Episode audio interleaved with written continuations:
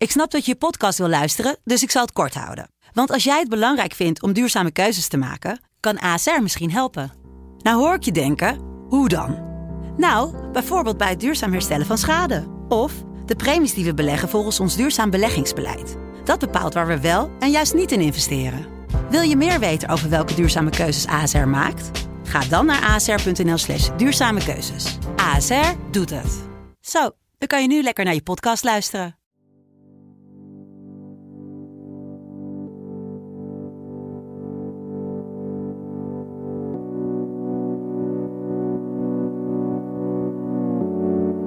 Je kan zo 10 of 12 jaar in een jeugdopleiding rondlopen, maar uiteindelijk is dat allemaal slechts voorspel.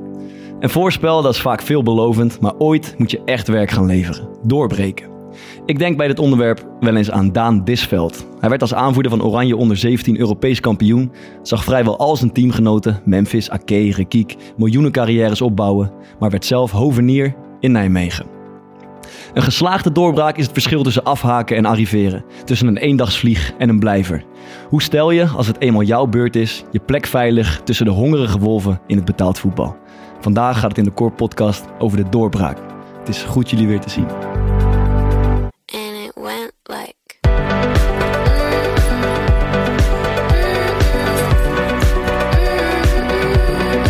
Ja, dan eh, is er iets eh, wonderbaarlijks gebeurd uh, afgelopen weekend. Ja, dat is eigenlijk eh, fantastisch. Hij heeft iets gedaan wat hij nog nooit eerder heeft gedaan. Vertel, vertel jij wat er is gebeurd. Hij ontvangt signalen via een op afstand bestuurbaar anaal seksspeeltje.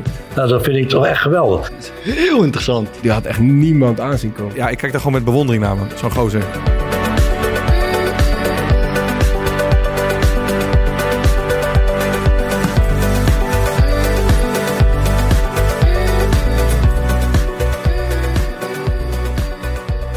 Leuk jongens? Lekker de met flirten met de camera. Ook goed om jou weer te zien, Bart. Ik zie het trouwens. Dat doe je ik- toch goed, zeg. Ik kijk af en toe eens terug op eh, YouTube en dan zie ik eigenlijk voor het eerst hoe jullie eh, met elkaar aan het eh, kutten zijn op het moment dat ik dat tekstje aan het voorlezen ben. Ah, Valt echt wel mee, toch? Heel Ik vind dit Je ziet dingen die er niet zijn. Welke Heel voetballer is nog meer eh hovenier geworden? Oeh, oeh, goeie vraag. Jij zou het moeten weten. Hovenier? Weet het even niet. Sowieso Patrick Power, dacht ik. Is dat een hovenier geworden? Ja, ja, ja. Oh, mooi. die heeft zijn eigen hovenier. Ik vroeg me, eh, had je gehoord van Da- ooit gehoord van Daan Disveld? Ja, Ja, Dat is jouw generatie. ja eentje boven mij. Ik vroeg me af, wie is de Daan Disveld van, van jouw generatie, eh, ik heb nooit bij Nederland zelf toch gezien. Nee, ja, maar ja, er is ja. altijd zeg maar, één speler die super talentvol was, altijd erbij was, maar die Nou niet ja, heeft doorgebroken. Ik heb wel eh, ooit met, toen ik in Jong Sparta zat, toen ging Gert Aandeel als trainer, die, die ging eruit. Toen werd Adrie van Tichelen werd eventjes interim trainer. Ja. En eh, die was mijn trainer bij Jong. Dus die nam me toen twee oefenwedstrijdjes mee naar, eh, naar het eerste. Mhm.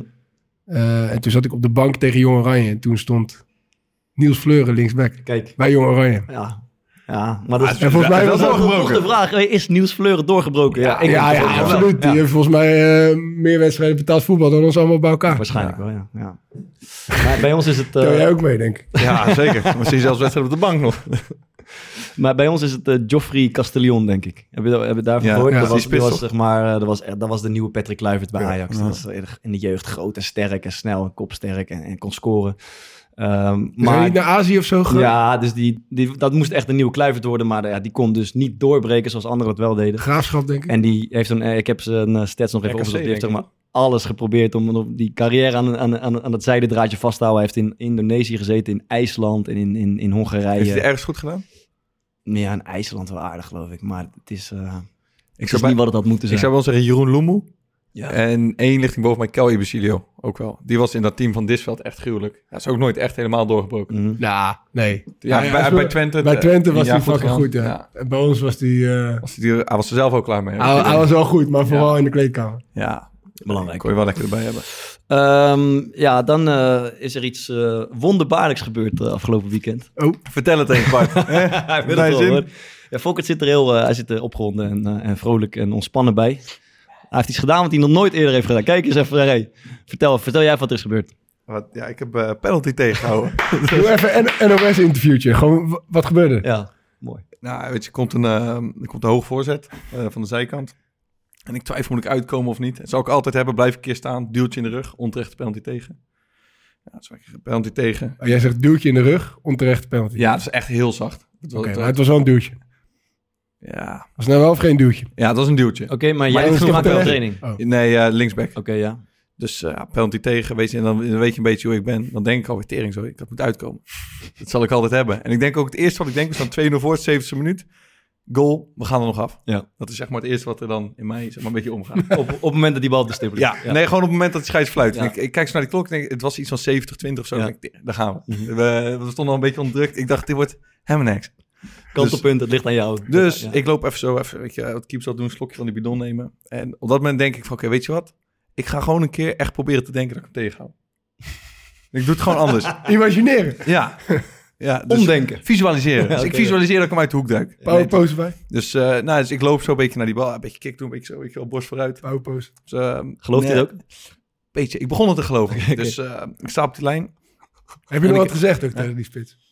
Nee, man. Zo ik, weet, ik, nee, dat, ik weet waar je schiet. nee, zou ik gaan stotteren, man. Denk ik. Als, ik, als ik zou zeggen van, je gaat hem sowieso missen, dat, dat was niet overtuigend eruit Hoek, hoekje wijzen of een beetje naar één kant Nee, hebben? dus, kijk, Het dus ik ga toch niet staan. relaxed hoor, als de keeper tegen je gaat praten. Nee, vind je het kut? Ja. Oh, ga ik volgende keer doen. Maar dus ik ga staan en wat ik best wel vaak heb gehad, ehm, is dat je een penalty tegenkrijgt, dat ik dan denk iets te zien bij de speler, maar dan denk ik weer dat hij het expres doet, waardoor ik dan zeg maar niet op een gevoel afga en dan ga ik alsnog de verkeerde kant op. Penalty inception. Ja, ja echt, echt Inception. Dus ik zie hem staan en ik zie toch, hij is een klein beetje nerveus. Eh, en hij kijkt naar de grond en hij staat best wel haaks op de bal. Dus dan, normaal schiet je hem over je standbeen. Denk je dat hij denkt dat hij eh, tegen een ex-profvoetballer, eh profkeeper, een penalty moet nemen, dus dat het wel eens lastig kan worden? Nee, dat, dat, dat denk ik op dat moment niet. Dus, maar ik zie hem zo staan en ik heb op een gegeven moment krijg ik een ingeving. Ik denk, weet je wat, hij, hij faked het. Hij gaat hem gewoon niet over zijn standbeen. Ja. Maar hij, zo, zo, eh, centrale verdediger met een haarbandje en met eh, flitsende groene schoenen. Ik denk, die gaat gewoon, die gaat hem vol, maar niet over standbeen eh, in mijn linkerhoek schieten. Dus ik, dus ik denk nog niet, te- niet te vroeg gaan. Wacht, ik wacht, ik ga naar die hoek. Eh, maar ik ben echt helemaal gestrekt. En ik heb eigenlijk niet eens door dat hij... Hij raakt mijn handen, maar voor mijn gevoel eh, zijn mijn handen een beetje slap. Dus ik denk, tering man, die gaat erin. Zeg maar via mijn handen. Dus dan ziet het er alsnog lullig uit. Hangen helemaal in die hoek.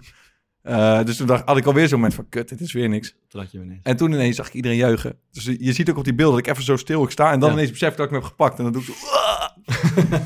ja, dat was een beetje, een beetje hoe het ging eigenlijk. Maar hij was ook best wel hoog ingeschoten, had ik het idee. ja, ik denk dat het een van mijn betere reddingen uit Het was mijn... eerlijk is eerlijk, was een goede redding. Hij is te zien op, eh, op Twitter eh, van eh Core Podcast. Ja, en Stedoku TV. Ja, TV, mooi. gepakt. Mooi, Lekker, mooi. Hey, je bent opgebloeid, man.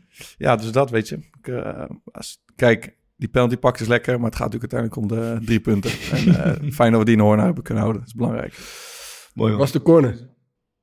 Ja, De, de, ja, ze heb ik er niet gekeken. Ging die zo, maar dat zie je toch altijd. Dat keepers zo'n penalty pakken en dat iedereen dan zo komt juichen. En dat ze dan gelijk al iedereen zo op een plek gaan zetten. ja. deed, een klein, deed een klein beetje, maar daar was ik een beetje bewust van. En wat ik ook had, is dat dan daarna die, eh, wat je ook vaak ziet, dan komt die corner daarna, En dan dan gaat onder de bal door. Gaat. Dus die bal kwam en ik, ik zat wel een beetje in niemands land, man. Maar ja, hij werd gelukkig weggekopt. Mooi. Leuk, dat zag goed uit. Ja, bedankt eh, Bart. Eh, iemand nog iets kwijt? Nou, er was mij wel iets opgevallen. Ik eh, Dit zal mij benieuwen. kwam eh, een, een, video, een videoboodschap tegen op Twitter van eh, Robin van der Meer. Jou, jou, Mij niet jullie- onbekend. jullie niet onbekend. Nee, hij was een fantastische videoboodschap. Hij was... eh, ze, waren, ze waren vergeten te juichen na de wedstrijd. Bij de supporters. En zat er ook verloren. Hè? Voor context, hij speelt bij Helmond Sport en ze hebben gewonnen geloof ik voor het eerst. Of de tweede keer dan, denk ik. Beste supporters, afgelopen weekend hebben we wat berichten gekregen over misverstanden na de winstpartij tegen FC Dordrecht. Wij zullen niet het klassieke juichmoment hebben uitgevoerd.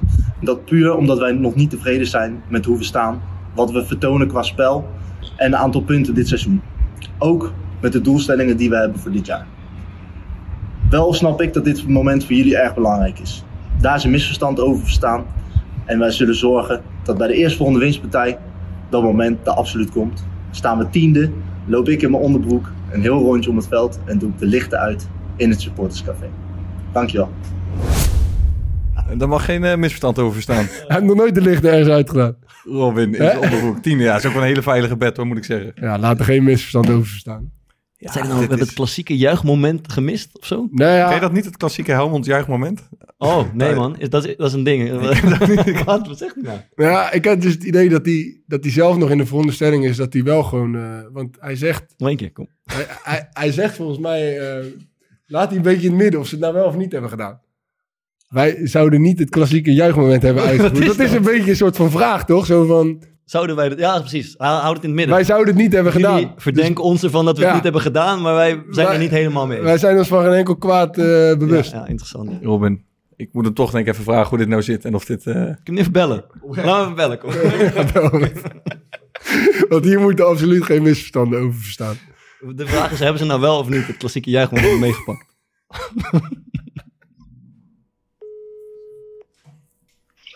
Hey Maro!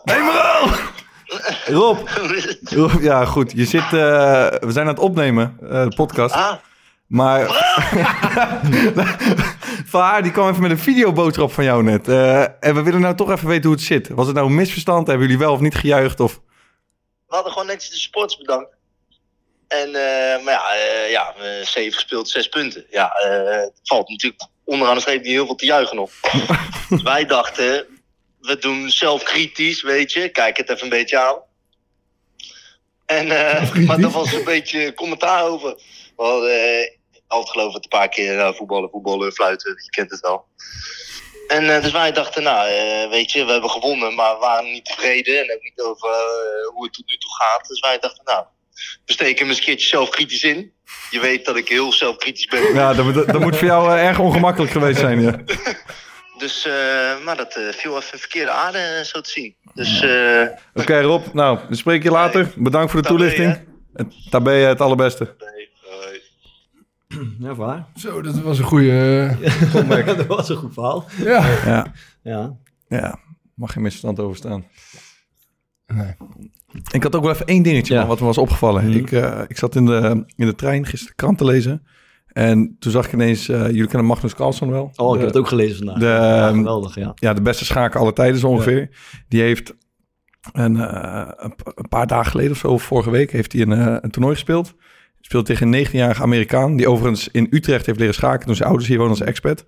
Ehm, en die gast zat echt ver onder hem. En die speelde met zwart, dus dan ben je nog in het nadeel. En die won ineens van hem. Wat en wat was de openingspartij van dat toernooi. Wat doet die Carlsen volgens? Die trekt zich terug. Eh, wat heel ongebruik, eh, ongebruikelijk is, dat doet hij eigenlijk nooit. En hij tweet vervolgens iets van, ja, was een mooi toernooi. Eh, ik hoop dat ik eh, volgend jaar weer bij ben. Een beetje zo'n voetbalterm. En vervolgens doet hij een stukje van José Mourinho. Die zoiets zegt van, als ik nu de waarheid vertel, kom ik in grote problemen. Ik mag niks zeggen. Waar hij eigenlijk insinueerde dat die gast vals had gespeeld. Ja. En dat was een online toernooi, hè? Was, volgens mij was het eerst fysiek. Oké. Ze hadden eerst fysiek tegen elkaar gespeeld. Ja, want het, het gaat nog verder. Eh, nou, vervolgens allemaal eh, mensen onderzoek naar doen. Want je kan niet zomaar vals spelen. Bij, bij schaken wordt op alles gecheckt. Ehm, en wat bleek nou? Die gozer zijn Chessman.com account is al een keer eh, stilgezet. Zeg maar dat gewoon dat, die online app. Omdat hij ervan verdacht werd dat hij een schaakcomputer had gebruikt. Eh, hij heeft best wel een ongebruikelijke stijging gehad de laatste jaren. Maar goed, hij wordt onderzocht. Hij is een beetje nu, ja, hoe noem je dat, zo'n dark horse. Dus iedereen kijkt een beetje gek naar hem. Speelden ze gisteren weer tegen elkaar in een online toernooi. Doet die gozer, eh, opent. Die Carlsen set. Die gozer doet een ongebruikelijke, eh, ongebruikelijke tweede set. Die Carlsen zet zijn camera uit. Sluit het eh, spel af en geeft op. Stopt en stopt ook weer met het toernooi. Zeg maar weer met dezelfde soort van insteek. Mhm. Dus nou, weer allemaal, hoe zeg je dat, berichten en, en veel rumoer dat er weer vals spel zou zijn. Maar klein quizvraag voor jullie. Mooi. Wat denken jullie dat de hoofdverdenking op dit moment is? Ehm, hoe hij vals speelt. Komt hè? je hebt drie opties. A, hij heeft een onzichtbaar oortje in. à la James Bond, dus waar dan zijn coach Mhm. maar dingen door zou zeggen. B, het is een infiltrant uit Team Carlsen die alle informatie doorspeelt. Dus die deelt zijn openingen eh, en zijn tactieken. Of C, hij ontvangt signalen via een op afstand bestuurbaar anaal seksspeeltje. Ik ga verzekeren. Ja, ik kan niet anders dan voor C gaan. Ja, dat is het. Dat is echt ziek. De nummer 6, Wow. de, de voormalig nummer 6 van de wereld of zo. En die Ja. nu... eh, Ja, zit hij heeft een ding in en dan zit iemand anders... Je zit te eh, trillen of zo. Van, nou, weet nou. ik van je paard moet naar E. Daar hebben ze een afspraak voor. dat is nu... Dus de oké. nummer 6 van de wereld, gewoon echt een hele serieuze gozer. Ja, of die nummer 6 heeft gestaan. Die heeft nu zeg maar die verdenking naar buiten gebracht. eh, dat dat de enige optie is. Dat is heel interessant. Ik vond het een heel apart verhaal. het, moet eh, toch... eh, Maar, maar het dan wordt hij dus door iemand anders geholpen. ja, dus ja, of iemand zit bijvoorbeeld met een schaakcomputer. Zijn Ja, coach. zo, ja. Dat, dat, eh, dat is de enige manier denk ik om die Carlsen ook te verslaan. Oké. Maar ik dacht, ja, bijzonder. Mooi. Wordt, wordt eh, vervolgd. wordt vervolgd. Vo- Komen we volgende week op terug. Ehm, ja, ik, ik vond het eh spelletje tijd even. Dus ik, heb, eh, ik had gewoon zin om een, om een quizje met jullie af te nemen.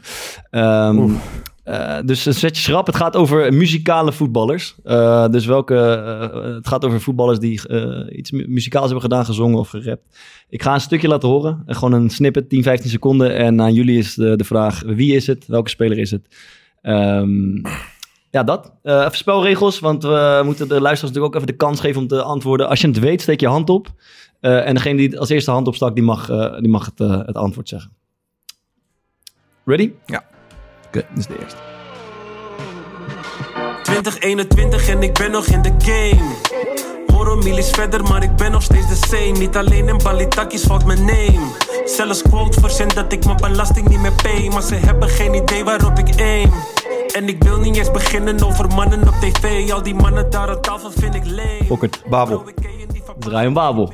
Tering. Had je hem niet... eh, Nee, nee, nee. Nee, nee. nee, dat is, te makkelijk. Maar dit is toch niet goed dan? Dit is toch Rio, of niet? Eh, hij heet, hier heet hij alweer Ryan Babel. Dus dat is wel eh, is goed gerekend. Rustig. Oké. Eh, tweede. Beginnen makkelijk, wordt alleen maar moeilijker, jongens. Komt ie aan. Net als een stier knal ik al die koeien in de. Moeder, mij moet je niet zoeken. Spaans benauwd liggen al die wijfjes aan mijn voeten. Ze willen met me kroelen, geef ze aan mijn troepen. Derby, bof, tro, oost is de poepen. Spit je naar je moeder en blijf gaan. Trek ik mijn Nikes aan, dan kunnen er niet veel aan mijn zij staan. Links op de flank, geen grap. Ik kom echt zo tegen dat jullie dit nog niet weten. Royston. Eh, Ja, natuurlijk is dat Royston. Je hebt met hem gespeeld, man. Ja, ik zat met z'n anders Dit is Royston met eh Unique. Ehm, ja, de derde is mijn, eh, is mijn absolute favoriet. Ik ben benieuwd of jullie het weten. Misschien je het fragment.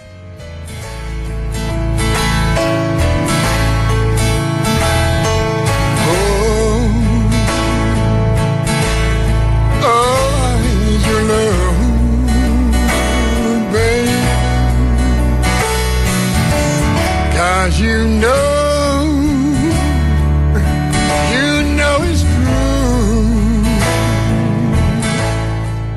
Dit is... Ja, is weer Vereniging, toch? Ken je het, ken je het fragment? Ja, is dit niet een tv-programma of zo? Ja, Singing with the Stars bij eh, Radio 5. Ja, waar je iets van de Beatles zingt volgens mij op een soort eh, bluesachtige manier. Van Hanegem is, eh, Ik kon het niet verstaan, maar ik vond het niet slecht. is, eh, is juist. Even kijken, we doen er nog, ehm, ik denk drie. Hij is voorbereid hoor. Hij is voorbereid. Even kijken. Rapper, we zijn er weer. Een eredivisie, eh, een, een rappende eredivisie-speler. Overigens de beste rapper, rappende voetballer die je kon vinden. Wifey blijft me appen, maar heb geen zin om te typen. Kan niet eens meer liegen, heb bereik ook als we vliegen. In je liedjes hoor ik vaak, je bent op brieven en op schieten. Maar heb je ook dezelfde energie wanneer we mieten? Onbekend terrein, dus we springen in het diepe. Was je daar tijdens het dalen, ben je daar tijdens het pieken. Ga niet voor je liegen, geen respect tijdens Maarten, heel onzeker. Twee vingers in de lucht, zeg het maar. Geert Ruida. Is dat een rapper? Die heeft eh, een nummer uitgebracht van de week. Oké, Ja. nee, nee, het is hem niet. Thomas. Fernand Anita. Ja, dat is Fernand Anita. Come on, nee. Oké, kan je oké, het niet weten? Ja, even kijken. Eén, eh Ik weet het nog niet weten. één zangertje nog, één zangertje nog. Hoeveel? 2-2, hè? Zie je. Eh, Het is 2-2. Hier was ik bij die penalty ook bang voor. Het is 2-2, komt ja. Yeah, yeah. Baby, I just don't get it. Do you enjoy being hurt? I know you smell the perfume, my makeup on your shit. Ja. Zeg maar. Ik ga voor Andy van der Meijden. Dit is niet Andy van der Meijden. Nee, nee, nee, nee, nee. Jij enig idee? Wout Weghorst. Dit is Wout Weghorst. Dank u! Kon je het horen of was het, hoorde je het of was het een gokkie? Nee, ik hoorde het. Natuurlijk hoorde het. Oké, oké, oké. Eh, Eentje nog. Meiden uit Limburg zijn stiekem zoeter dan de vlaai. Die modellen uit Friesland, bloedmooi, maar een beetje saai. Keuze met uit Utrecht, je zal het niet snel vergeten. Maar de vrouwen uit Brabant zijn net ietsjes beter. Hele snelle call. Waar? Weer van het doelen. 3-3. Stand is? 3-3. Oké, dan kunnen we een... eh, ja, de laatste. Dat is de moeilijkste. Ik moet erbij zeggen, dit is... Laat ik zeggen, dit is eh, een aanvoerder uit de Eredivisie op dit moment.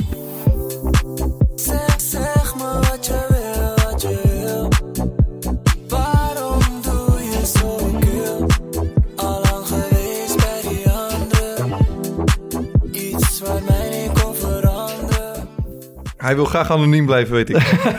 Basje Kuipers. Bij deze... Dank u, Bas Oh. Kuipers. Bij deze verpest. Ja, ja, zeker. Lekker nummertje hoor. Zeg maar wat je wil. Je hebt me Ja. gehoord, hè? Lekker, man. We hebben een winnaar.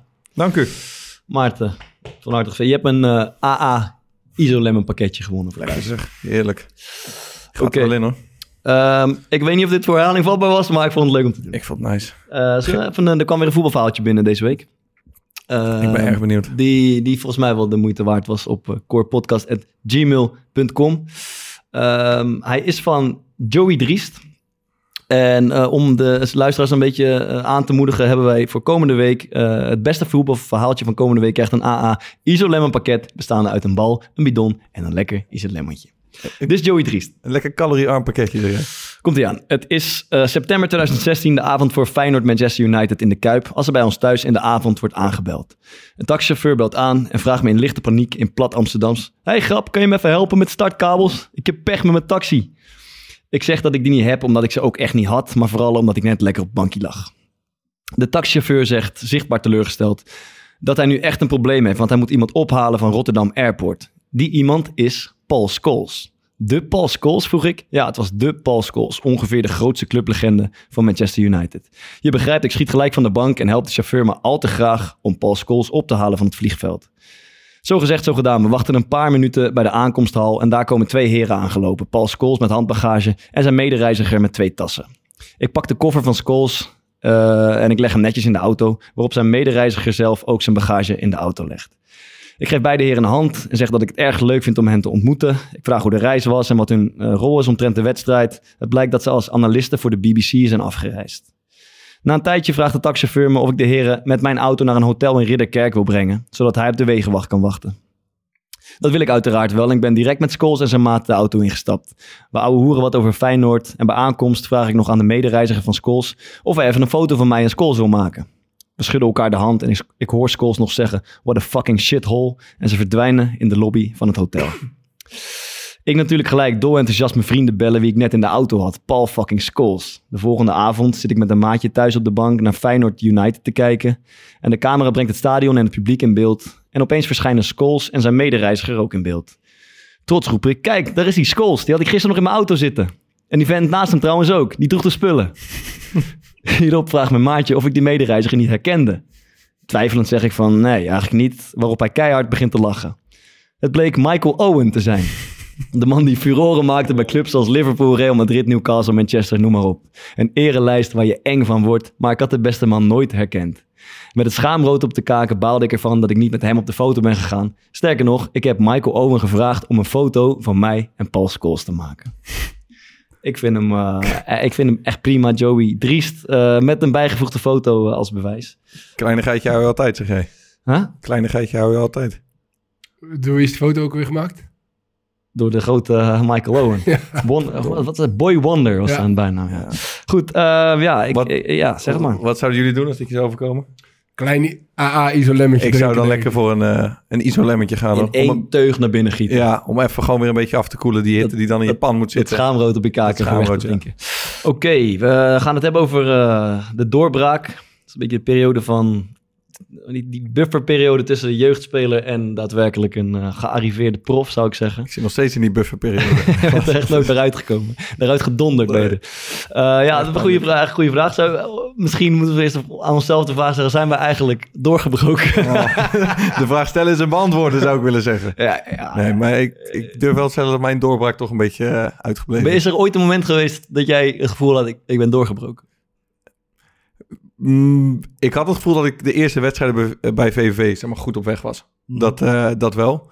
Ehm, maar toen ik eenmaal daar gewisseld werd, Ja. na wedstrijd of 10, 11, toen eh, was dat gevoel ook wel weer heel snel weg. Man. Zeg maar, je gaat er naartoe met het idee van, je gaat, eh, wat is het, 38 wedstrijden is, is het de KKD eh, spelen. Ehm, gewoon om, ja, gewoon letterlijk dat je je gezicht kan laten zien in een grotere competitie dan de beloftecompetitie. Eh, en als je gewoon een heel jaar speelt bij een club die kampioen wordt in de KKD, ja, dan ben je wel lekker zeg maar gewoon aan je doorbraak aan het timmeren. En je hebt gewoon dan, je hebt dan iets op je, hoe zeg je dat, op je cv staan waar je gewoon altijd Ja. op terug kan vallen. Ja, ja, ja. Van hij heeft het één jaar goed gedaan in de KKD, heeft hij helemaal uitgespeeld. Dus dat zit er in principe in. Ja, zeg maar wat, En nu- Thomas, wat Thomas ook heeft, zeg maar. Ja, ja dan valt hij nog steeds op terug. Nee, nee maar en ik, had, eh, ik, ik voelde heel erg daarna, ehm, want ik ging daar naartoe met een hele hoop druk van, oké, ik moet het nu. Ehm, weet je, bij Jong Oranje, ik ben bij Heerenveen tweede keeper en zij willen dat ik het jaar daarna eerste keeper word of in ieder geval ga concurreren. Dus ik had echt het gevoel van, oké, ik moet, in die KKD moet ik gewoon eigenlijk fucking, moet ik gewoon een van de beste keepers zijn.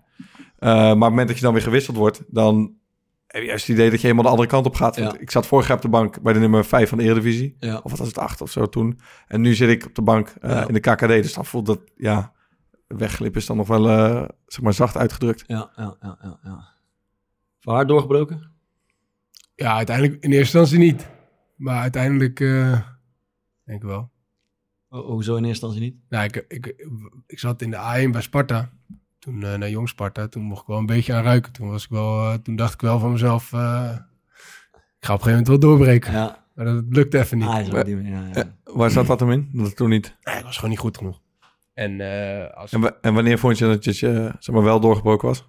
Toen je op je 26 terugging. Ja, toen ook nog niet, want toen moest ook nog maar blijken of ik... eh, maar uiteindelijk, toen ging ik daar, werd, werd ik wel gewoon echt vaste baas spelen. En dat eerste half jaar was nog een beetje... Nou, als- eh, heb ik nog een paar keer op de bank gezeten ook. Maar toen dat tweede jaar, half jaar onder, onder Pastoor, kreeg ik echt een vaste plek op 10. En eh, werd ik af en toe, eh, als, als Michel eruit ging, werd ik aanvoerder. Dus toen vond ik wel dat ik een beetje mijn, mijn, plek, mijn, mijn je- plek had verworven. Kan je daar nog iets van herinneren, zeg maar, dat je... want dat heb ik dus niet echt meegemaakt. Dat je van dat punt gaat van, oké, ik heb de hele tijd de drang, ik moet mezelf bewijzen. Of dat hou ik misschien altijd, maar in ieder geval, ik ben nu ehm, gewoon iemand die zijn plek aan het veroveren is. Dat je overgaat, zeg maar, naar het moment van... Ik, ben- ik ben gewoon echt- Arriveren ik, gewoon. ben- ik Ik ben gewoon een een- baasspeler. Zeg ik maar, ben, ik, ben, eh, ik ben geen twijfelgeval. Eh, of, of dat, Ja, of je daar iets van herinnert. dat moment, zeg maar. Nee, ja, gevoel moeilijk, man. Nee, ja, wat, wat, wat ik wel altijd had, was zeg maar, in dat eerste jaar keek ik wel altijd nog altijd met een schuin oog terug naar de, eh, de tweede divisie. Zo, dan, eh, dan, dan ga ik daar, eh, dan, dan kom ik daar uiteindelijk terecht als, als, Als het nu niet lukt. als het hem niet wordt, Ja. zeg maar. En eh, op een gegeven moment, toen, eh, toen ik echt wil ging spelen, en het jaar daarop, zeg maar, toen ik ook ging scoren, toen was het wel gewoon, ja, ik kan nu wel, eh, ja, na dat tweede half jaar kon ik wel een beetje naar boven kijken, zeg maar, richting de eredivisie. Waar- Hoorde ik zo hier en daar dat er wel wat interesse was en zo, en, maar daarvoor nog niet. Ja, dat is dus bij mij ging dat dus echt precies de andere kant op. Dat ik in, vooral in die periode bij Herenveen, de hele tijd alleen maar bezig was met soort van volgende stappen zetten. En inderdaad dat je kijkt naar, oké, hoe, waar kan ik hierna naartoe? Ga ik eh eerst keeper worden, dan kan ik weer een stap verder zetten. Ja. En op het moment dat je dan op de bank raakt, eh, ik weet dat precies nog, dat ik toen ineens voor het eerst, daar werd ik fucking onrustig van. Dus dat je ineens ging denken van, oké, wacht, ik heb nog één jaar contract hierna. Ja. Als ik nog zo'n jaar heb, Klopt, wat, dan ja. moet ik ineens zeg maar, naar beneden kijken. En dat was, dat zorgde mij voor kortsluiting. Ja. Misschien moeten we even op zoek naar een... eh, we hebben het over doorbreken en doorbraken. Ja. Dat is voor iedereen een beetje anders. Misschien kunnen we proberen een soort van definitie te vinden... van wanneer je eigenlijk voor je gevoel bent doorgebroken. Ehm, ja, ik zal, ze, ik zal ze poging... Ik denk dat voor zeg maar, de grotere talenten... die gasten van wie... veel van wie wordt verwacht dat ze bijvoorbeeld in Ajax 1 komen... of in het Nederlands Ja. zelf te komen... die zijn voor mijn gevoel doorgebroken op het moment dat ze daaraan voldaan hebben. Ja, Eh. dat ze een stap hebben gemaakt omhoog vanaf Ajax. Eh, nee, ja, dat, er gewoon, dat ze hebben geleefd naar wat er van hun verwacht werd. Naar ongeveer het niveau wat van hun verwacht Dus werd. dat ze baasspeler zijn geworden. Ja, Vast. bijvoorbeeld eh, Matthijs de Licht. Eh, die, die, Ja, maar je hebt, maar om, die- om, maar om, die- om het tegenover te stellen, bijvoorbeeld de, die Renato Sanchez. Dat was zo'n megatalent, zeg maar. Maar Ja. daarvan zou je kunnen, in zekere zin, zouden mensen over hem zeggen, hij is niet helemaal doorgebroken. Omdat hij nooit helemaal aan die verwachting heeft voldaan. Nee, maar, maar, maar Matthijs de Ligt was er ook gewoon een supertalent. Die stond op zijn 16. Ja, die heeft er dus naar geleverd. Dus zijn doorbraak is geslaagd. Ah, Maar dan is de doorbraak er toch pas geslaagd op het moment dat hij de transfer maakte naar La, Juventus. Mm. wacht, oké, maar dan een voorbeeld. Is Kenneth Taylor nu doorgebroken bij Ajax? Ja, ja, ja. Ja, basisspeler. Ja, ik denk Ja. het wel. Ik denk het wel. Maar ik, om aan te vullen, zeg maar, de mindere goden. Gewoon... maar, als, maar als Kenneth Taylor zeg maar, heel zijn leven nu bij Ajax speelt... of op een gegeven moment zelfs een stap omlaag moet doen... Ja. Ja, Jurgen natuurlijk is Ekkelenkamp- doorgebroken. ja, maar. Ekkelenkamp is een goed voorbeeld. Is hij doorgebroken Ja, Ajax? dat is, ja, ik luister, ik, ik heb de definitie ook niet verzonnen, maar ik probeer iets zinnigs over te zeggen. Ekkelenkamp, ik zou zeggen, niet helemaal doorgebroken misschien. In de definitie zoals ik hem als ik, hanteer. als ik eh mezelf had, leg. ge- had gehaald, dan eh, had ik wel van mezelf Ja, maar dat zijn dus dat zijn echt grote talenten, zeg maar. Ja. Eh, het- Ik, ik, ik probeer er ook maar wat zinnigs over te zeggen. hoor. Maar de mindere spelers, die zijn voor mij gevoel doorgebroken als betaald voetballer... op het moment dat ze een soort veilige plek hebben... die niet zo snel meer uit de handen wordt gegeven. Begrijp je? Dus jij Ja. brak door bij de Eagles. Eh, ja, ik brak door bij de... Ja, Eagles. Maar ik voelde me pas doorgebroken, ik denk serieus pas vijf jaar geleden of zo. Gewoon echt, dat ik niet meer achterom hoefde te kijken van... oké, als ik nu anderhalf seizoen nog slecht speel... dan ben ik eh, bij Dordrecht en als dat niet meer gaat, dan ben ik terug. En nu... Want dat voort je bij Eagles bijvoorbeeld wel nog. Mm, kijk, eh, ja, ik moet... Ik, Jij ja, was toch een mannetje daar zo? Ja, ja, kijk. Eh, wat Fake voor een... you make it. Nee, nee, wat voor een... Ik, ik, heb een goede, ik heb een hele goede start gehad. Dus wat voor een goede doorbraak volgens mij ehm, nodig is... eh, is dat je in die eerste wedstrijden... waarin je van, van je verwacht wordt van... oké, Ja. nu moet je daar staan...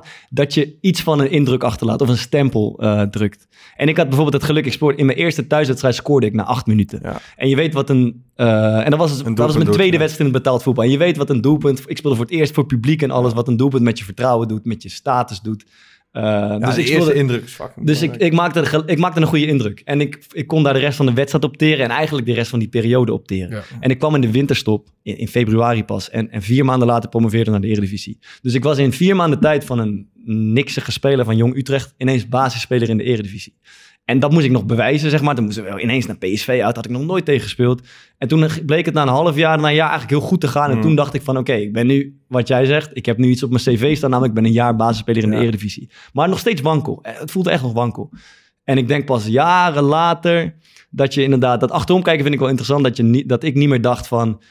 Nou, oké, als ik nu op de bank kom, dan wil niemand me meer. Dan ben ik verdwenen. En dan, dus, dus snap je, nu ben ik, weet ik gewoon, oké, ik, kan, ik heb krediet. Ik kan, eh, ik kan een paar keer op de bank komen. Ik kan slecht spelen. Maar ik val niet helemaal terug naar waar ik vandaan kom. Want bijvoorbeeld, je, je hebt een tijdje bij Sparta op de bank gezeten. Ja. In je eerste jaar. En eh, op zo'n moment ehm, heb je dan nog het idee van... het kan mij letterlijk gewoon ontglippen dat ik straks geen prof meer ben? Ja, de, het, het heb ik, even- ik heb dat wel eens eerder gezegd. dacht ik elke keer dat ik toch, toch, dat ik toch nog mijn contract kon tekenen, dacht ik, poeh, in ieder geval nog twee jaar eh, erbij. Ik, kan, ik ging gewoon rekenen. Oké, in ieder geval tot mijn 28ste nog. En dan ga ik in die twee jaar alles aan doen om Ja. tot, tot mijn 30ste te verlengen. En dan ga ik in die twee jaar alles aan doen om het tot mijn 34ste te krijgen. Dus dat, eh, dat heeft wel lang geduurd, ja. Maar ik denk dat... eh, dus ik had best een vliegende start in die zin. Waardoor ik een soort pad. Ik was daar. Ja. Ik had de stempel gedrukt. Alleen, dat is wel... Dat lukt zeg maar niet iedereen. Dat heeft ook een beetje met geluk te maken en alles. En als je veel eh, ja, jeugdspelers die doorbreken, die nou gewoon meedoen. Ja. Eh, twee wedstrijden meedoen en de derde wedstrijd toch een foutje maken. Maar je ziet het ook Dan ben je echt hup, aan. zo er weer uit en dan, ja, moet je, wanneer Dan krijg je nog een kans? terug, Dat Want heb je bij Heerenveen, we dat in mijn periode met, met best wel buitenspelers gezien... die dan bijvoorbeeld bij Jong en op de trainingen fucking Mhm. goed waren.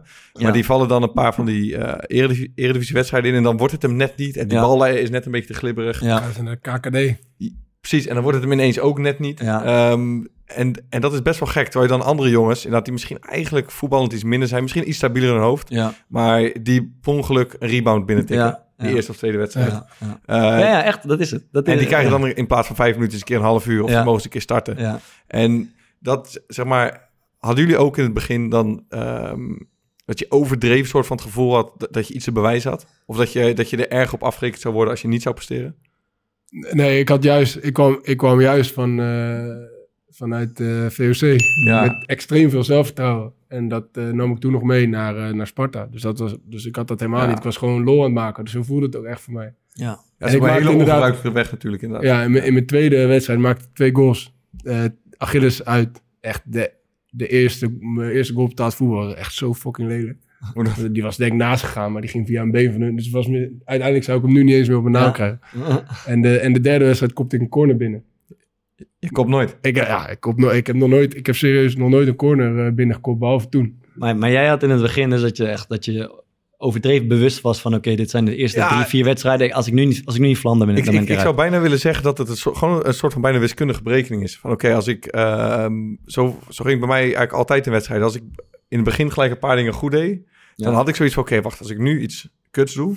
Ja. dan weegt het niet zo zwaar. Want ik heb al een paar goede dingen gedaan. En door die ontspanning Ja. gaat eigenlijk bijna nooit iets fout. Ja, Maar als het bijvoorbeeld nog 0-0 staat... en je hebt nog niet echt iets belangrijks gedaan... ja, dan had ik veel meer het gevoel... als ik nu iets kuts doe... ja. dan weegt dat heel zwaar, zeg maar. ja, ja, ja, Dan- ja. Dat is best wel fucked up, zeg maar, manier van denken. Ja, Eh, want Dat dat ben- nu niet meer. Nee, want nu heb ik, ja, ik, het is gewoon, het, het- ik vind het zo raar, man. Maar eigenlijk gewoon hoe minder belangrijk ik voetbal vind, hoe, Hoe beter. makkelijker, hoe makkelijker je presteert. Ja, ja, En dat is zo vaak tegen me gezegd, maar dat heb ik gewoon nooit, zeg maar, als prof in mijn hoofd kunnen krijgen. Nee, nee, nee, nee. Ehm, want dat weet ik gewoon bij, bijvoorbeeld bij VVV voelde mijn wedstrijden echt als gewoon, ik zou bijna willen zeggen, als, als WK-finales. Ja, Zeg maar, Oost thuis.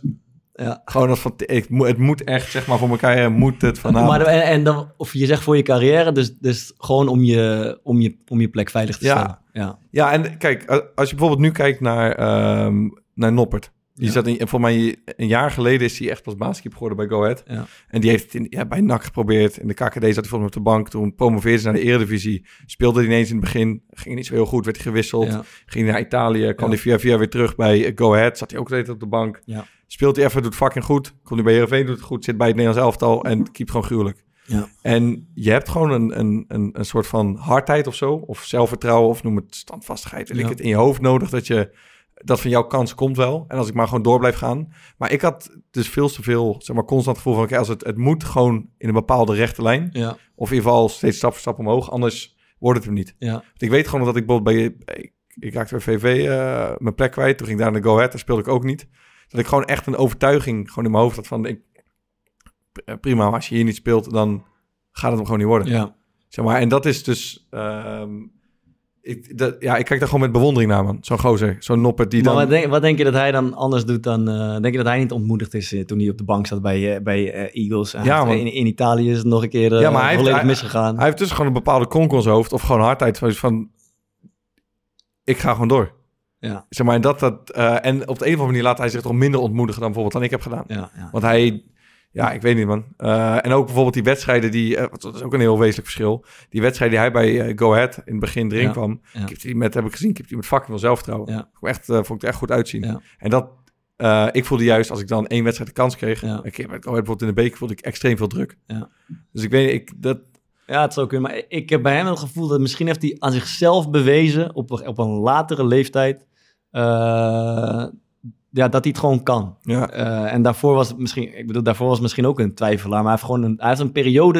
Je hebt zo'n spannende periode waarin het moet gebeuren eigenlijk. Waarin je van ja, niksige, onzekere eh, speler naar Ja. een vaste speler gaat. En in die periode moet het gebeuren. En misschien heeft hij bij Eagles gewoon precies op het goede moment zo'n periode doorgemaakt. Waardoor hij dacht, hé, hey, ik kan het gewoon. Ik ben gewoon een goede keeper. Die gasten die vertrouwen me. En daar heeft hij misschien op weten voor te borduren of zo. Ze-. Maar volgens mij is dat, dat, dat is over hoe ik ernaar kijk. En jullie weten, ik kijk van alles met zo'n soort van blik van wat het met zelfvertrouwen doet.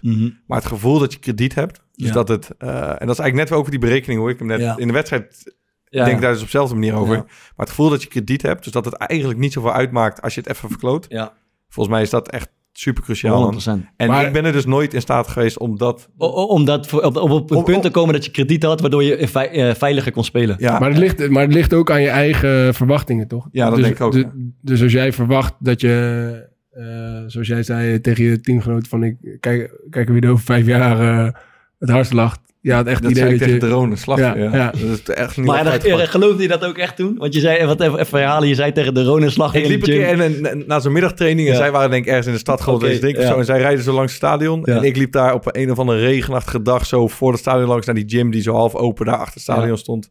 En zij riepen zoiets van... eh, Je moet ga- genieten, heel ga- spannend. Ga eens lekker naar huis joh, mafkees. En ik was een beetje, ja, ik ben nog wel eens geparkeerd. Toen riep ik zoiets van, ah, we zien over vijf jaar wel wie waar staat. Ja, Maar geloofde je dat ook? ik je, zie, je ziet wel vaak juist het tegenovergestelde wat, je, van je, wat jij zegt eigenlijk. Zo'n tendens bij spelers die in de eerste vier, vijf, zes weken van hun debuut... een best wel onbevangen en vrije indruk maken. En dan opeens gaan nadenken. Ja. Of, eh, of een soort ja, team, saaie teamplayer beginnen. Huh? Ja, maar dat is wel Ja. interessant. Ik Ik bedoel, weet, dus een soort dat jeugdige onbevangenheid. En dat dat op een gegeven moment een beetje weg. Ja, ja, dus Maar dat- dat- dat- maar dat- ik heb dat op de eh, Randy Wolters was het was teamgenoot van mij bij Utrecht. Die ging toen in het eerste, de eerste zeven wedstrijden onder Van Ja. Hanegem. Maar was aan het vliegen en, en, en weet je, bewild en, be- en Mm. goed onbevangen voorzetten. Doelpunt denk ik zelfs. En daarna werd het een soort gewoon teamspeler. Ja, vaakst bij buitenspelers. dat zie je vaak toch? Maar ja. Ja. ik probeer te zoeken naar de verklaring daarvan. Dat Ja, je zeg dat maar dat wel onbevangene gewoon kwijtraakt. Als jij, zeg maar, met Go Ahead, toen jij in de, in de, in de eredivisie, zeg maar, je promoveerde naar de eredivisie. Dat gold dan- ook voor mij inderdaad. Ja, Dan waren ja. die wedstrijden in de eredivisie, die beleef je toch op een hele andere manier. Zeg maar, de eerste vier wedstrijden Ja. heb je toch op een hele andere manier beleefd dan wedstrijd 18 en 17. Ja. Waarin het zeg maar een beetje, je komt in het stramien en alles wordt normaal. En het is niet meer zeg maar dat, dat, dat, dat nieuwe, dat, eh, Waar je nog even op kan surfen. Dat die ja, je, van je, je, nieuwe- ja. krijgt gewoon, je krijgt gewoon energie van het feit dat je het super vet vindt dat je daar überhaupt bent. Ja. En dat je die wedstrijden mag gaan spelen Ja. en eh, wat je allemaal meemaakt. Maar op een gegeven moment wordt het normaal. En dan is het best wel lastig om diezelfde energie Ja, ja. die, die dan eigenlijk extern zeg maar, eh, komt, die, die kan je niet zomaar meer oproepen. Dus, en dat is bij, bij buitenspelers zie je het ex- extreem vaak. Dat heeft inderdaad ook wel met onbevangenheid te maken. En in het Eh. begin kan je niks fout doen. Mhm. En op een gegeven moment gaat het dan een paar keer mis. En dan Ja. gaan ze nadenken. En dan, eh, Ja. ja, als buitenspeler gaat nadenken, dan... Dan is het probleem hek van de dam, ja. Ja, Ja, ik denk ook dat er misschien nog bij komt dat je in de eerste weken... ver- vinden mensen je ook altijd gewoon... Laat maar zien, hè. ga maar los. Ja, het wordt- minder En verwacht na, ook, na ja. zeven, acht wedstrijden, dan wordt er ook een beetje gemord, weet je wel. En dan Ja. wordt er ook, eh, krijg je kritiek, word je een keer, eh, hoor je ook een keer gezucht en gefluit op de tribune. Ja. En als je dat nog niet gewend bent, dan kan dat best wel intens zijn. En dan ja, word je ineens een beetje zo voorzichtig, eh, ja, gewoon zoals, zoals de rest. ja. Dat is wel boeiend, dat is altijd boeiend. Er zijn maar weinig spelers die dat heel lang zo vast kunnen houden, denk ik. Ik had eh, eh, Sven Meijnans bij ons, die is, die is nu echt doorgebroken, vind ik. Eh, is, is, is echt een goede speler in ons team geworden. Maar die was ook, die trainde lange tijd mee en zo. En als die, mocht die af en toe eens meedoen, was het oké, oké, oké. Maar toen hadden wij die, hadden, speelden wij zo'n eh, wedstrijd tegen AZ, stonden we 4-0 achter, werden 3-4. Sven was ingevallen, ramde 4-4 in de laatste minuut binnen. En ik heb het gevoel dat daarmee, daar heeft hij zich gelanceerd als, daar heeft hij gewoon van, is hij gewoon van, van hier, wankeltalent naar pats. Oké, hij is erbij. Hij is daar en hij blijft daar ook. En, en ligt het naar hoe mensen naar hem kijken? Of gewoon hoe hij misschien naar zichzelf kijkt? Ja, beide Ik- misschien. Ik denk, ik denk ook hoe mensen naar hem... Ja, Dat vooral. maar ook hoe de trainer dan hem ziet van, hey, ja, eh, hij kan, ook, ja, hoe bedoel je dat? Of het publiek? Eh, ja, eigenlijk allebei, weet je wel. Ja. Gewoon hoe, hoe, wat de beeldvorming is rondom hem. Ja, nou, en ik heb het gevoel, ja, dat, dat denk ik wel, dat het vooral eh, hoe de buitenwereld naar hem kijkt, dat de trainer, denkt, hey, hij kan nog een doelpunt maken, hij, hij kan het verschil maken. Ja. En dat is, dat wordt zeker van middenvelders en aanvallers van je verwacht. En ik, ja, ik, ik heb altijd het gevoel eh, dat dat een heel groot onderdeel is van een geslaagde doorbraak. Is dat je in de eerste vier, vijf wedstrijden iets, doet wat blijft hangen bij mensen. Matthijs de Ligt eh, refereer ik net aan. Ik geloof dat bijna al die Ajax-talenten doen het trouwens. Die scoren in hun eerste wedstrijd of in een tweede wedstrijd. Ja, Ook wel lekker. dat is ook wel lekker natuurlijk. Dus ja, Wat- dat is wel wat- interessant. Eh, Hebben jullie iets van een doorbraak van iemand die op de een of andere manier gewoon altijd bijgebleven is? Ik Ja. had het bijvoorbeeld Ja. zelf met, met, met Kevin Dix. Die, ehm, Ja. die is één jaar jonger dan ik. Die Mhm. speelde eh, dan mijn lichting bij Vitesse. Maar dat was dan een back die gewoon in de jeugd... Ja, dat, die viel mij niet heel erg op. En Vitesse was echt goed, zeg maar toen. En die is toen ineens gewoon bij het eerste gaan spelen. Eh, ik denk dat iemand gepasseerd was of Ja. geschorst. En die is daar toen gewoon, voor mijn gevoel, nooit meer uitgegaan. En die wonnen, de, die wonnen volgens het, weet ik wat, jaar daarna zo de play-offs. Ja. Die maakte uiteindelijk een transfer naar Fiorentina. Ja. Terwijl bij hem had ik echt niet het gevoel... Ik vond het uiteindelijk gewoon een prima speler. Mhm. Maar niet het gevoel dat hij er heel erg bovenuit stak of zo. Ja, ja. Ehm, en dat dat ergens ook dan echt veel met geluk te maken heeft. Hij is gewoon een rechtsback. Hij liet zien in de jeugd van, ik kan het niveau aan. Ja. Uh, of in ieder geval, ik klop op de deur. Ja. Maar waarschijnlijk waren er in die, in die lichting van hem... misschien Ja. ook wel een centrale verdediger... of een nummer 10 of een linksbuiten ik die dat heeft. eens. Maar er gebeurt niks Mm. eh, bij het eerste. Dus dat, ik weet niet man, altijd als het over doorbreken gaat... of gewoon gasten die eh, echt wel... Hij heeft een fucking mooie carrière gehad. Ja. naar Feyenoord gaan. Hij speelt in Koop, bij, bij Kopenhagen nu. Ja.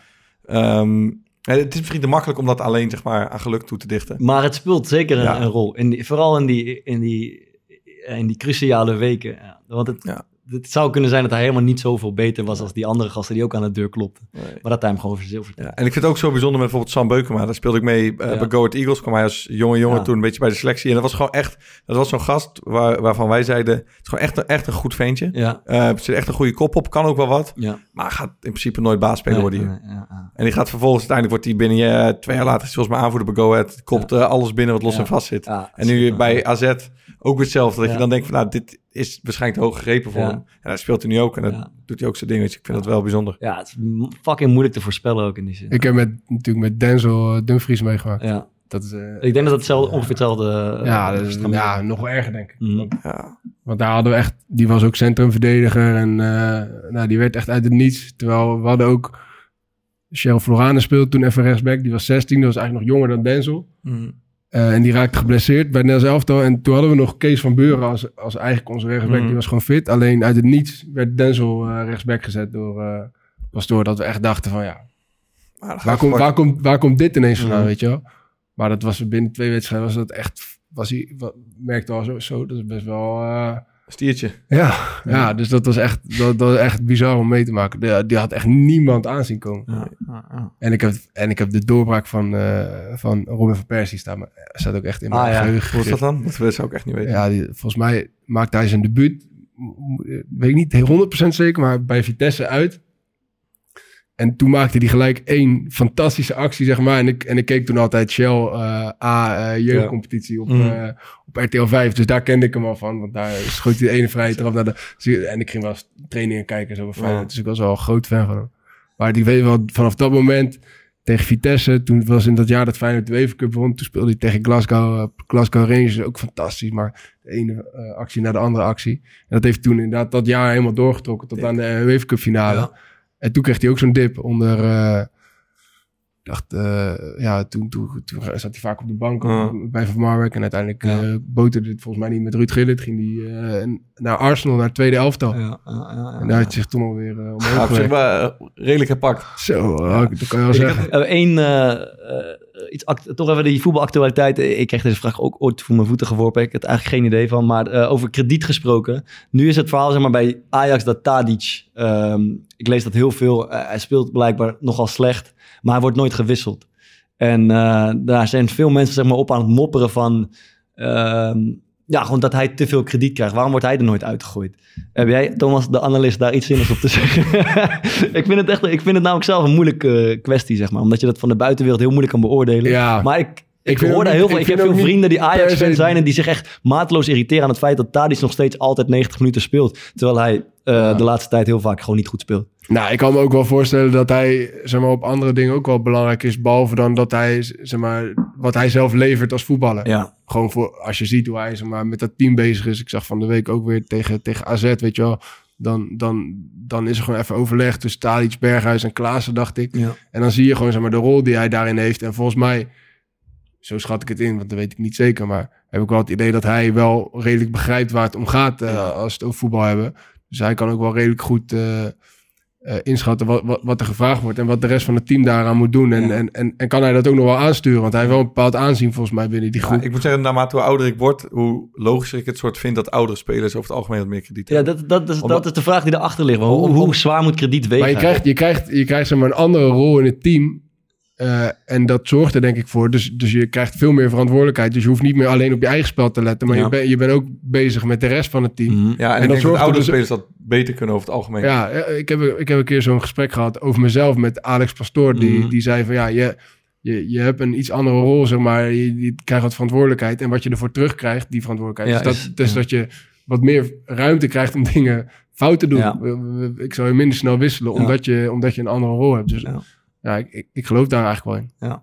Ik geloof het ook, ja. Dus zeg maar tegen je vrienden, varen fok het zeggen, Thadis laten staan. Laat het nog even staan. Ja, man. Nog eh, tot slot één, één speler van wie je zeg maar, eh, je hand wel in het vuur durft te steken. Van ja, die gaat gigantisch doorbreken, maar het is nooit gebeurd. Ik weet er nog eentje. Hij is nu weer een beetje aan het herpakken, maar ik had wel verwacht dat hij iets hoger zou staan dan waar hij nu staat. Ik weet niet of je het hebt. Collega van Maarten. Keeper. Roy Kortsmit. Er is ook een soort van eh, op social media nou een ding gaande dat mensen steeds vaker berichten sturen dat we moeten uitnodigen. Ja. Is hij leuk? Ik, vind- maar ik, ik, ik heb het gevoel dat ik hem ken. Maar dat is alleen maar gewoon dat jullie altijd Eh, die, man, kijk, die man is geweldig, maar als er een, micro- als er een ja. microfoon bij komt, hou ik mijn hart vast. We kunnen- ja, want- zichzelf niet meer. Door dat eerlijk te Er is niemand die zo'n verschillend persoon is naast de camera en, eh, en ervoor. Hebben wij, hebben wij die, eh, dat interview van hem ooit laten zien eigenlijk? Over mijn vader. Ja. Want ik, ik ken hem Hè? wel. Kan je Ja, ja, dat, ja, dat is wel een beetje een emotioneel moment, maar we kunnen we wel even erin gooien. En dan het laatste fluitsignaal. Zeg maar, wat, wat, wat gebeurt er dan allemaal? Ja, ik zei net tegen iemand, ik, zei, ik heb denk ik eh, een jaartje of tien niet gehuild, maar ja, de tranen kwamen, die kwamen gewoon. Ook omdat eh, mijn vader is er denk ik, eh, ja, die heeft elke wedstrijd is hij er vanaf eh, dat ik zeven jaar ben. Is hij er altijd voor me geweest en, eh, en mijn moeder trouwens ook. En vandaag is hij er voor het eerst niet bij en dat, eh, ja, dat doet wel pijn, maar... eh, Waar is die? Volgens mij in Italië met zijn werk. Maar eh, ik weet zeker dat hij aan het genieten is. Ja, ik vond, eh, ik vond het mooi. Eh, ja. Valt je er nog iets op aan Thomas? Laat me eens kijken. Hij ziet er uitgerust uit. Oh, ja, alweer.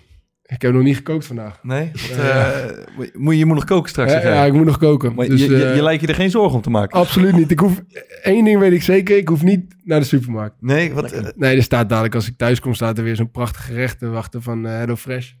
Kom aan. lekker zeg. Receptje ernaast. Je hebt opnieuw, je hebt opnieuw verkiezen. Het is gewoon... Staat ook bij hoe lang het duurt. Mooi. Kwartiertje vandaag. Oh. In een kwartiertje. Wat heb jij een makkelijke avond. Zijn eh, de vriendin en de kinderen eh, weer voorzien. En ik zelf eh, van een prachtig maaltje. En zeker als je allebei werkt, is dat... eh, Ja, ik moet is- zeggen, is dat heel handig. Dat, dat is heel handig. En kijk, jij ziet er zo goed uit de laatste tijd. En ik kamp natuurlijk met die slaapproblemen. En dat gaat allemaal niet. En Lisa werkt en ik werk. Dus ik heb het ook maar eventjes geprobeerd. Want En ik merkte komt dat hij het- ook weer? Ja, dat, ja ik, ik Dat was, toch mijn, dat was toch mijn ding dit, of niet? Ja, sorry. Maar ja, ik heb Dat is die, zijn rubriek. Ja. Ik, ik heb die code gebruikt. Hello Corepot 75. oké. 75 euro korting gehad. Ben ik altijd bij korting, dat weet je. Mhm. Eh, weet je, ja, nieuwe klant. Eerste vier boxen, 75 euro korting met die code. Eh, ik moest toch een beetje... We hebben het net over krediet. In je relatie, Bart, daar weet je alles van. Moet je ook krediet opbouwen af en toe. Cruciaal, ja, Ja, zeker. ja. Dat vind jij toch ook lastig? Jij zegt, doe mij ook zo'n box. Ja, misschien moet jij het thuis ook een keer doen. Dus ik denk... Hij is de volgende. Kortingscode? Hello Corepot met een D. Ja. 75. 75 euro korting voor nieuwe klanten. Staat ook in de beschrijving, denk ik. Sowieso. Sterk. Link in bio, broer. Mooi. Eh, ja, we, we doen het klassieke juich, dus- juichrontje. Eh, een rondje aan. juichmoment. Klassieke juichmoment. Juichmomentje. podcast. Even aanraden, jongens, zeg het maar. Begin jij eens een keer dan. Ja, dat is goed. Eh, kijk, wij hebben het hier al eh 2,5 jaar over de kleine dingen des levens. Hè, met z'n drieën over, over, over de voetbalwereld en alles wat er een beetje bij komt. Nu komt een er iets heel zwaars. Bij komt kijken. Maar er komt nu iets zwaars aan, want er zijn zeg maar grotere problemen die dit nogal overstijgen. Vooral in ons continent, in Europa. Een oorlog in Oekraïne, energiecrisis, inflatie en alles. En er zijn ehm, twee podcasts die, jou, eh, die mij in ieder geval elke week daar even over bijpraten in een uurtje. Eh, op een slimme manier, eh, maar ook op een eh, best wel vermakelijke manier. Dat is eh, Europa draait door van Arend Jan Boekenstein en Tim de Wit. Iedere week een uurtje. Of Café Europa van Mathieu Segers en Annette van Soest. Ben je Dus- fan van, hè, Mathieu Segers? Ja, ben ik erg van onder de indruk, ja. Ehm, dus ja, mocht je denken, god, ik ben het voetbalgelul een beetje zat. Ik wil even weten wat er speelt inmiddels in Oekraïne of in Duitsland. Of de Italiaanse verkiezingen komen eraan. Ik wil er iets over weten. Schakel even een uurtje in bij een van deze twee. Wie, wie gaat het worden in Italië? Extreem rechts, man. Ja? Een vrouw. Die, vrouw, denk. Meloni of Melanie of iets. Ja, Er is ook zo'n Ivoriaanse eh, sociaaldemocraat volgens mij die wel een beetje... Eh, ja, gaan- als je het wil weten, luister deze shit. netjes. Ik heb ook een podcast man dit keer. De Ik ook. Nee. Jezus. Ik heb ehm, eh, de Climate Question geluisterd. is een podcast van de BBC. En de BBC, eh, in mijn ogen, was altijd heel goed in eh, natuurdocumentaires maken. Maar blijkbaar kunnen ze dus ook heel goed podcast produceren. Over klimaat. Over klimaat, ja. Wanneer En- gaan we weer naar Dallas? Oh, oh, ik heb, het was verder ook niet een... eh, ah, dit doet wel pijn, man. Ik ga even hier zo'n lemmertje nemen. Nee, eh, en wat op zich wel interessant is... Kijk, zij komen gewoon met standaard informatie... wat chill is om jezelf te informeren over het klimaatprobleem... zodat je bijvoorbeeld niet moet vliegen. Eh, maar ze komen ook met wat... eh, ze kijken wat verder. Dus bijvoorbeeld gaat het ooit in zicht komen... om klimaatvriendelijk te vliegen? Zou lekker zijn als je een keer naar Dallas wil voor je werk. Of bijvoorbeeld, het gaat altijd over hoe mensen... eh, zich aanpassen aan klimaatverandering... Maar zij doen dan onderzoek op de Galapagos-eilanden of dieren dat ook kunnen. Vond ik heel interessant. En een keer even iets anders dan alleen, zeg maar. het Of hele- dieren dan niet naar Dallas meer vliegen voor hun werk. Vogels alleen. Vogels doen het. E- emi- emissievrij. Lekker. Dus eh, de Climate Question van de BBC. Goede podcast. Dankjewel, Mooi. Thomas. Ik heb een eh, podcast geluisterd, doe ik niet vaak, maar van Bart's vrienden. Eh, Studio Socrates. Ja, ja, ja. Zijn jouw vrienden toch? Nee, zijn niet mijn vrienden. Oh, dacht ik. Nee. Maar in ieder geval... eh, Ja, wel leuk, ik luister het ook wel eens. Ja, bespreken regelmatig een voetbalwedstrijd. Ja. Die ze dan weer terug gaan kijken. Ja. Uit, eh, en ze hebben Feyenoord Inter nationale gekeken in de UEFA Cup reeks. De halve finale van, eh, van de UEFA Cup. eh. Van Hooydonk. Oh, van dat Hooydonk. we- werd uiteindelijk 2-2, maar Feyenoord had het uit eh 0-1 gewonnen in, Ja. eh, in San Siro. Dus daardoor eh, hadden ze de finale. Maar van, voor mij echt een fantastische wedstrijd, zeg maar. Dat was het moment waarop ik eh, nou ja, alles echt bewust ging meemaken en bewust ging kijken. En, eh, en, en genoot van Van Hooijdonk, Thomasson, eh Kalou. Eh, ze kwamen helaas niet op de linksback. Hebben jullie een idee wie de linksback speelde in de halve finale van Feyenoord? Oeh, Gian. Nee, ik zou het niet weten. Pauwen. het was Mauricio Aros.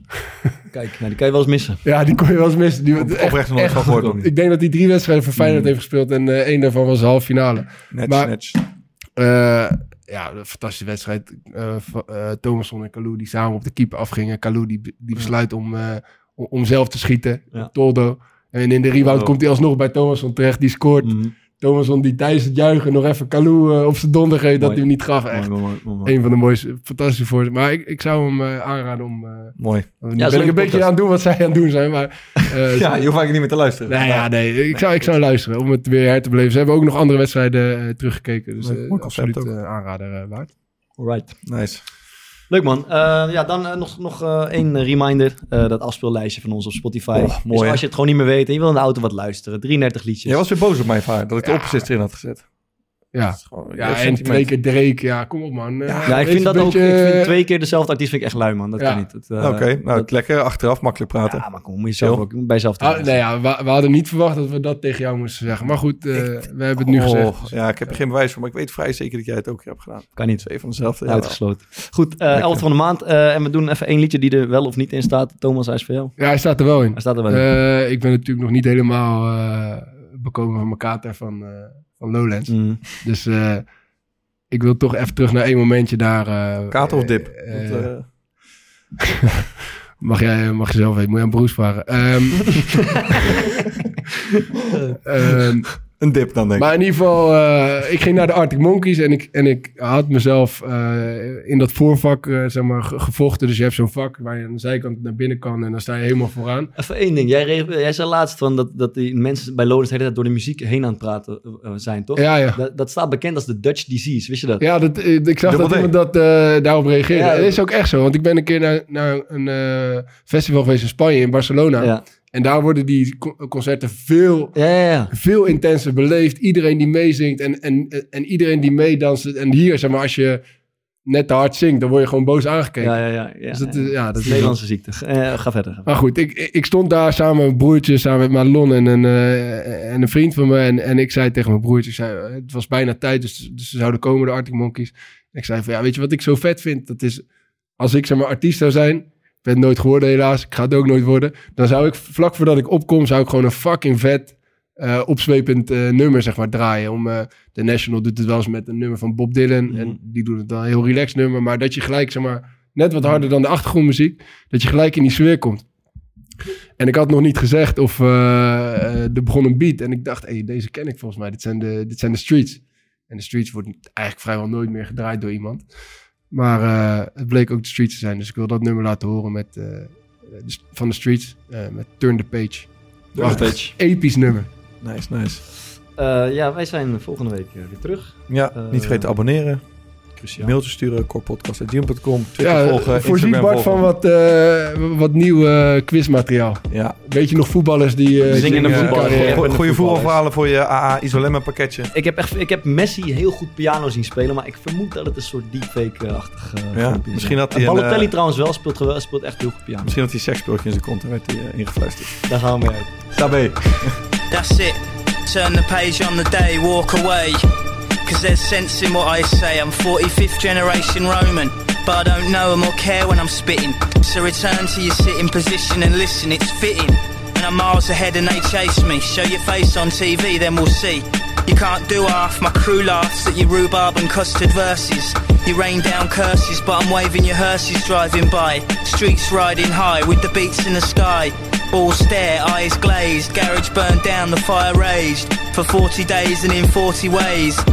But through the blaze they see it fade, the sea of black, the beaming heat on their faces. Then a figure emerges from the wastage, eyes transfixed with a piercing gaze. One hand clutching his sword raised to the sky.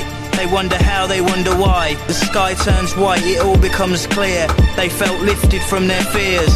They shed tears in the light after six dark years. Young bold soldiers, the fire burns, cracks and smoulders. Five years older and wiser. The fires are burning on fire, never tire. Slay warriors in the forests and on higher.